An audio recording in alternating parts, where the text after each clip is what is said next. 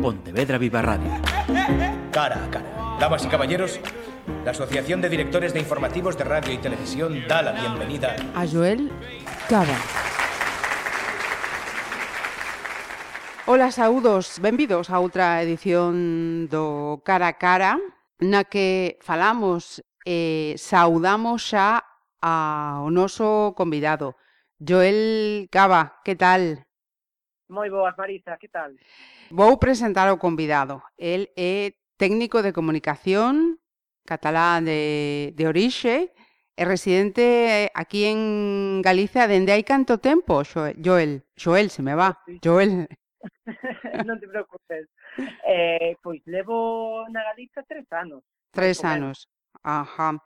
Comezamos eh, mm, situando a aqueles que están a, a escoitar este podcast ou, ou no streaming, que é o Casal Catalá de Galicia. Pois o Casal Catalá de Galicia é unha, unha iniciativa que, bueno, pois surdiu eh, neste último Nadal, eh, que foi como a guinda para que estourara no? este proxecto, eh, porque, ben, eu cando cheguei aquí hai tres anos, sí que botei en falta eh, bueno, pois eh, atopar máis compatriotas, no?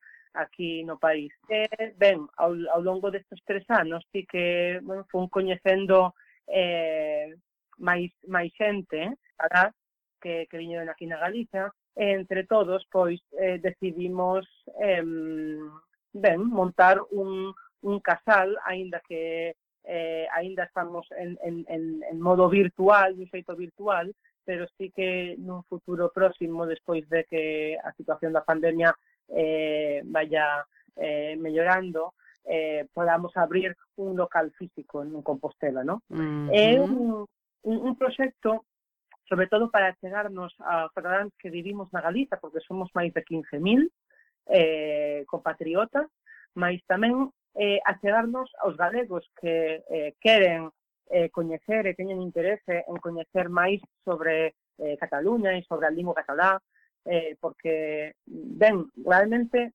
eh, temos unha historia en común, no? e non, non podemos esquecela.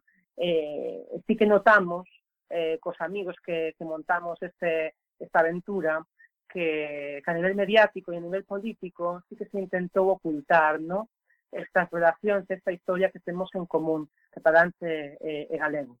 Entendo entón que estamos a falar dunha iniciativa eh, particular promovida pois, eh, por particulares como a ti, como outras persoas que, que se achegaron a, a esta comunidade. Sí, é unha iniciativa particular, mas eh, busca, eh, estamos en trámites, de obter o recoñecemento da Generalitat como comunidade catalana en el exterior, uh -huh. eh, ten unha forma xurídica, eh, ao fin do cabo, pois, eh, vai nos tamén dar un empuxe no? para poder desenvolver todo un, un seguido de actividades eh, aquí en, en na Galiza, pois para poder chegar a lingua, para poder chegar pois eh, todo o que cataláns e galegos eh, fixemos xuntos ao longo dos séculos, eh, e ben, eh, agora mesmo pertencemos xa a que sería a Federación de Internacional de Entidades catalana uh -huh. no exterior e que sobre todo pois, a unha eh, agrupa todos os,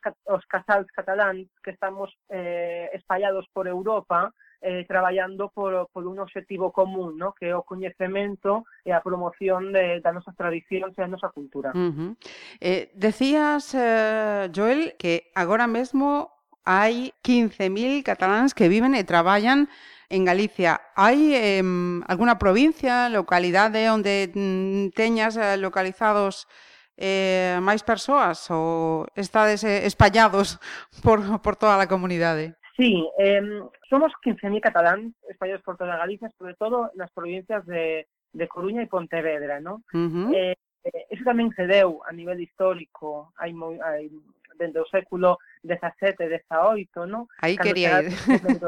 catalán. Sí. Mas eh, sí que estamos a topar, porque foi é un, una, una, un dato que obtevemos polo, polo Instituto eh, de Estadística Galego, que sí que ben están, temos un público eh, entre os 30 e os eh, 50 anos uh -huh. eh, os que traballan na Galiza, concretamente en Pontevedra e en, e en Coruña, eh, pero tamén temos moita mocidade no? a, que, a que achegarnos, porque, ben, isto é un proxecto que surde agora, pero tamén ten un precedente inmediato, no? No 1950 eh, surdiu o lar catalán da Coruña, que, ben, polo contexto daquela, eh, en pleno régimen franquista, pois ben pois tiña un, un, un, un percorrido, no? pero non, non podía chegar a moito máis.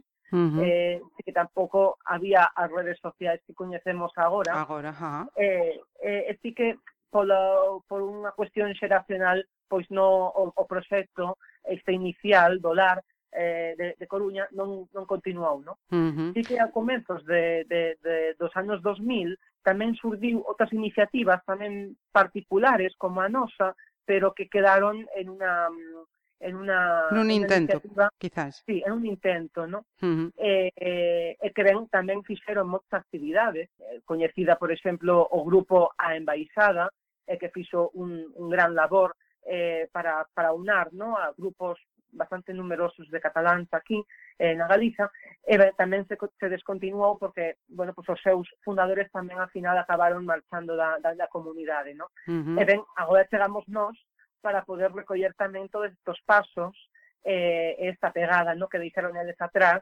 para, bueno, pues tomamos este, este legado e, e, e actualizámoslo uh -huh. para, para poder achegarnos a esos 15.000 cataláns que, que vivimos na Galiza e queremos seguir vivindo en catalán, ainda que seamos longe da nosa casa. ¿no? Uh -huh.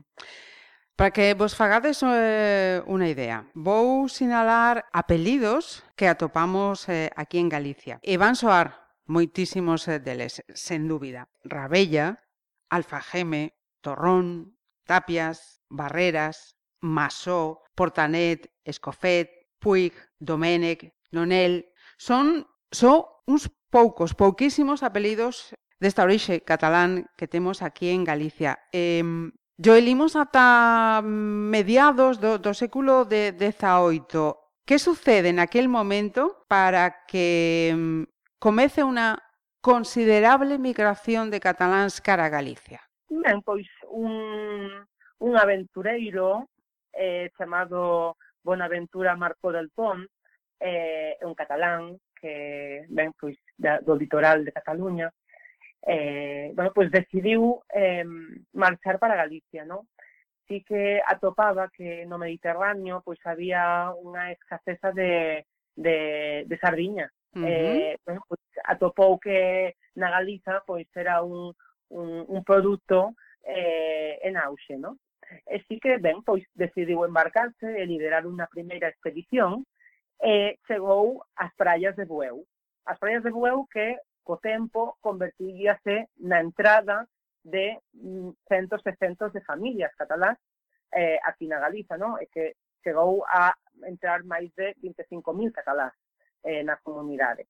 Pois, grazas a, bueno, pois a, a valentía, non? E tamén a, a decisión de, de, de Bonaventura, eh, que el foi o primeiro catalán censado en Vigo, eh, liderou esta expedición pois tamén para entablar, entablar unha relación eh, co povo galego, cos mariñeiros galegos, e eh, exportar a sardiña galega, pero tamén a chegar as técnicas de pesca catalán que estaban a utilizar eh, en, en Cataluña. Uh -huh. Entón foi un intercambio cultural, un intercambio, unha mestizaxe, moi, moi interesante que tamén levou a enfrentamentos entre ambos povos, uh -huh. porque, ben, os galegos sentían que quizáis os catalán viñan aquí a eh, xa, a, a expoliar un pouco os seus recursos, no? Uh eh, -huh. E a vendelos cara ao mundo, no?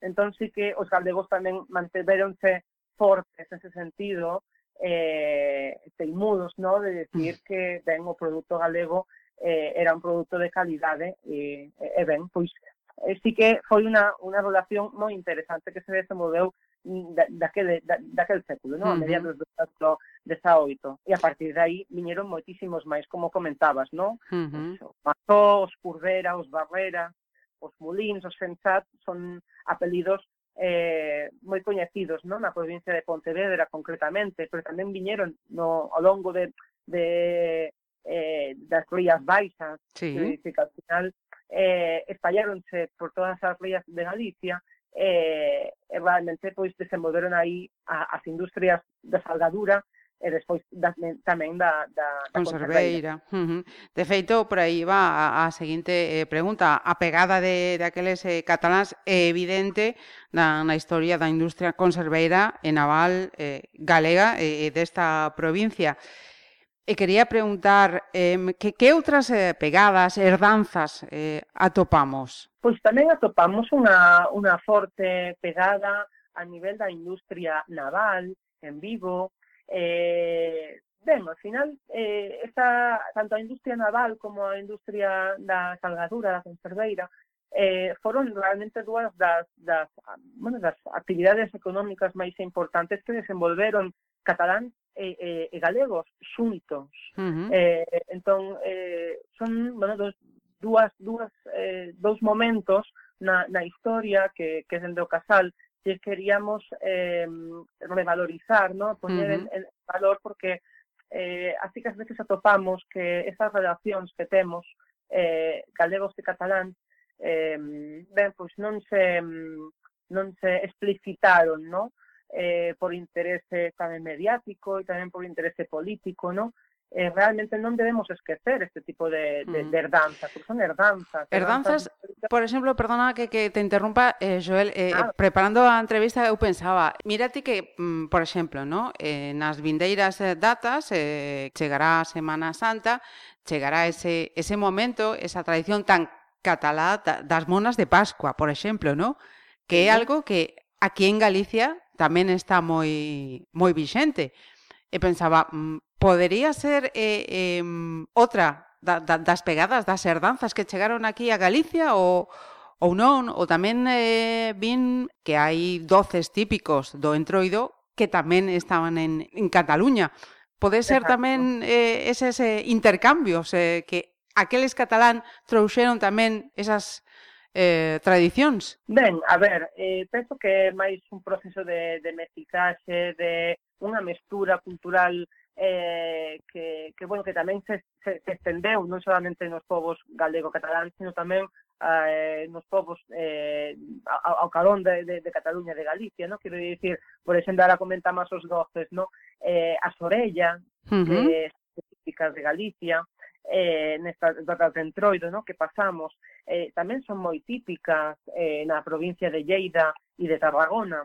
Entón, sí que aí atopamos certas eh, conexións moi curiosas, moi simpáticas que, que, que ben, eh, está, está ben de remarcar, no? está ben de, de, de recuperalas e de, bueno, de poñelas eh, en riba da mesa, porque realmente somos povos, eh, aínda que moi distintos nalgúnas veces, eh, en, en moitas cousas, tamén somos moi semellantes en outras. Eh, e, bueno, estas diferenzas, evidentemente, igual é unha forma moi poética de dicilo, pero ambos povos temos un mar, no? O mar, o cata, os catalanes temos o, o, o Mediterráneo, Mediterráneo. Uh eh, -huh. somos moi mediterráneos nesse sentido, e os galegos son moi atlánticos, uh -huh. e, e penso que eh, os dous mares aportan as nosas personalidades, a noso xeito de ser, eh, unha maneira, non? unha idiosincrasia propia. Entón, bueno, é unha forma poética de dicilo, pero sí que bueno, dentro desas diferenzas como povos, cada un con seu mar, eh, temos moitas semellanzas e temos, temos moitas conexións, que hai que atopalas e que hai que expolas, porque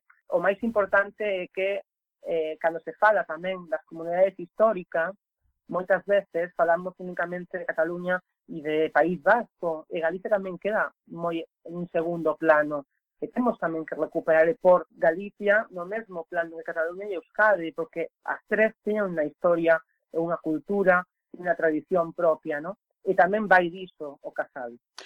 Mira, precisamente eh, estaba, a ver, tamén pasando a, a outra cuestión que mmm, solicitaste a, a RAC, a Real Academia eh, Galega, unha revisión dunha das, a, das a, acepcións do, do termo catalán. Eh, ¿Puedes explicarnos, eh, Joel, cuál es el, el o, o, motivo? Perdón. Sí, a ver, dentro do que é o Día Internacional da Lingua Materna, eh, ben, decidimos dende o Casal de facer unha, unha petición formal a, a a, a Academia Galega, para eh, que revisase a acepción de catalán catalá que ten o seu diccionario, no? Entendemos que o, un diccionario é unha ferramenta, un instrumento útil de masa eh, é unha consulta básica moi recurrente eh, de, tanto na mocidade como os adultos, que dicir, é un instrumento básico, no? e o que se eh, define nun diccionario é moi importante e moitas veces ten unha carga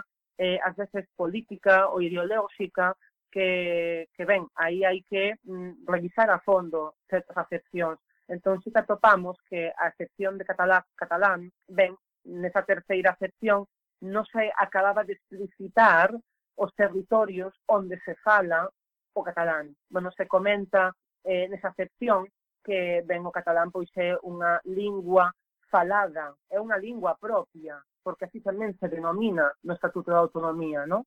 non solamente Cataluña, sino no resto de comunidades onde tamén se fala.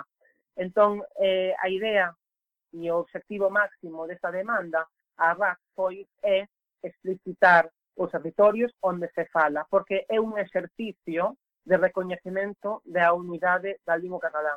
Ti aprendes o, o, o galego antes de, de venir ou xa o sabías? pois, eh, a verdade é que que, bueno, o meu mellor profesor é o meu mozo. Ajá. Eh, bueno, eu viña aquí en, en Galicia hai tres anos, e a verdade é que tiña un, des, un descoñecemento total, por así decirlo, ¿no?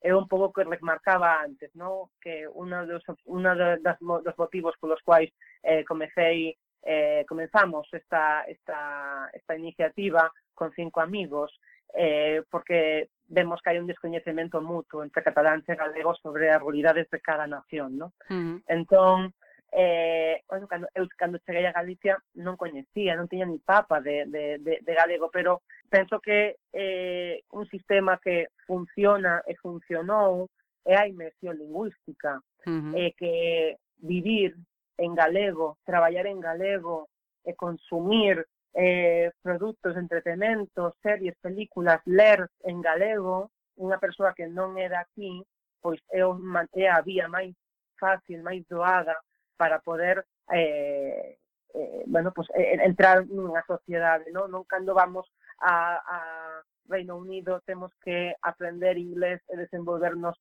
na, na lingua do país, pois é que aquí é o mesmo, non? A xente que ven de fora eh, para eh, adaptarse, ¿no? Para, para entrar dentro da sociedade, pois eh, ten que ter unha mente aberta, ten que aprender, ten que integrarse nesa lingua, nesa cultura, E foi ese o proceso que seguín eu. Primeiro, pois, co, co meu mozo, aprendendo eh, o galego que el fala, no? Uh -huh. E despois, tamén, pois, estudando galego de forma oficial na Escola Oficial de Idiomas, no? E tamén consumindo, pois, eh, a Sinchan en galego, a Nani en galego, Mareas Viva, uh -huh. eh, quero dicir, foron, foi una, é un proceso de aprendizaxe porque eh, é, un, é un continuo de falalo eh, e moitas veces de equivocarse, ¿no? Sí, sen eh, dúbida. Uh -huh. Pero pero pero tamén temos unha cosa moi clara, eh, o galego vai eh, sobrevivir mentres a mocidade e as novas xeracións e a xente de fora o, o, o continuemos falando. Eh, porque tamén hai unha cousa que atopei aquí nestes tres anos de, de, de, de, de chegar aquí a, a Galicia, de que os galegos moitas veces miran eh, cara, cara fora, e valoran máis o que hai cara fora que o que, se, o que temos no país, no?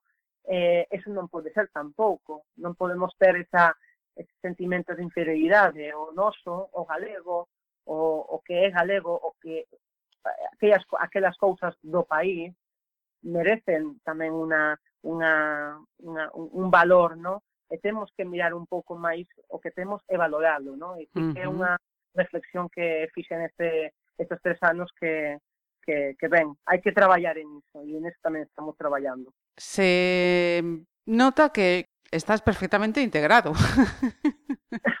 ben, a ver, no... A ver, a verdade é que so, foron tres años, foron tres anos nos que puxen moito da miña parte uh -huh. na aprender a, na aprender a língua, na aprender a cultura. Para, para iso tamén hai que ter unha mente aberta. Outra primeiro que me preguntaron cando cheguei aquí en Galicia é porque estaba aprendendo galego. E digo, bueno, pois pues para, para coñecer, para integrarme, ¿no? Para... Uh -huh.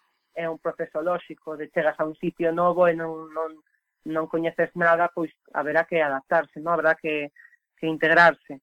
E, e, e quedei un pouco agrallado desa pregunta, porque bueno, que comentaba, ¿no? Outras veces cando marchamos fora eh, temos que aprender o inglés para ir a Reino Unido ou onde sexa, Pois Pensemos que é unha cosa moi lógica, pero cando se fala do galego, pois, pois a xente non o ven tan claro, pois non, hai que, hai que valorar máis a lingua e hai que fomentala, hai que promovela. Pois eh, Joel eh, Cava, moitísimas grazas eh, por estar eh, con nos e eh, descubrirnos eh, a cantidade de persoas eh, que viven aquí na, en, en Galicia, dende, dende Cataluña, e a cantidade de apelidos eh, que quedan nasa, nesa pegada eh, histórica. Pois moitísimas gracias a vos, Marisa, pola, pola oportunidade de, de dar a coñecer a, o, o Casal Catalá de Galicia eh, eh, eh, porque sigamos eh, atopando máis conexións entre Cataluña e Galicia. Unha aperta. Pontevedra Viva Radio. ¿Me permiten que les haga un comentario como espectadores del programa Cara a Cara? Según un reciente sondeo de mercado, ustedes disponen de estudios e inteligencias superiores a la media. Sus intereses abarcan desde la actualidad mundial y la ciencia hasta el deporte y los espectáculos.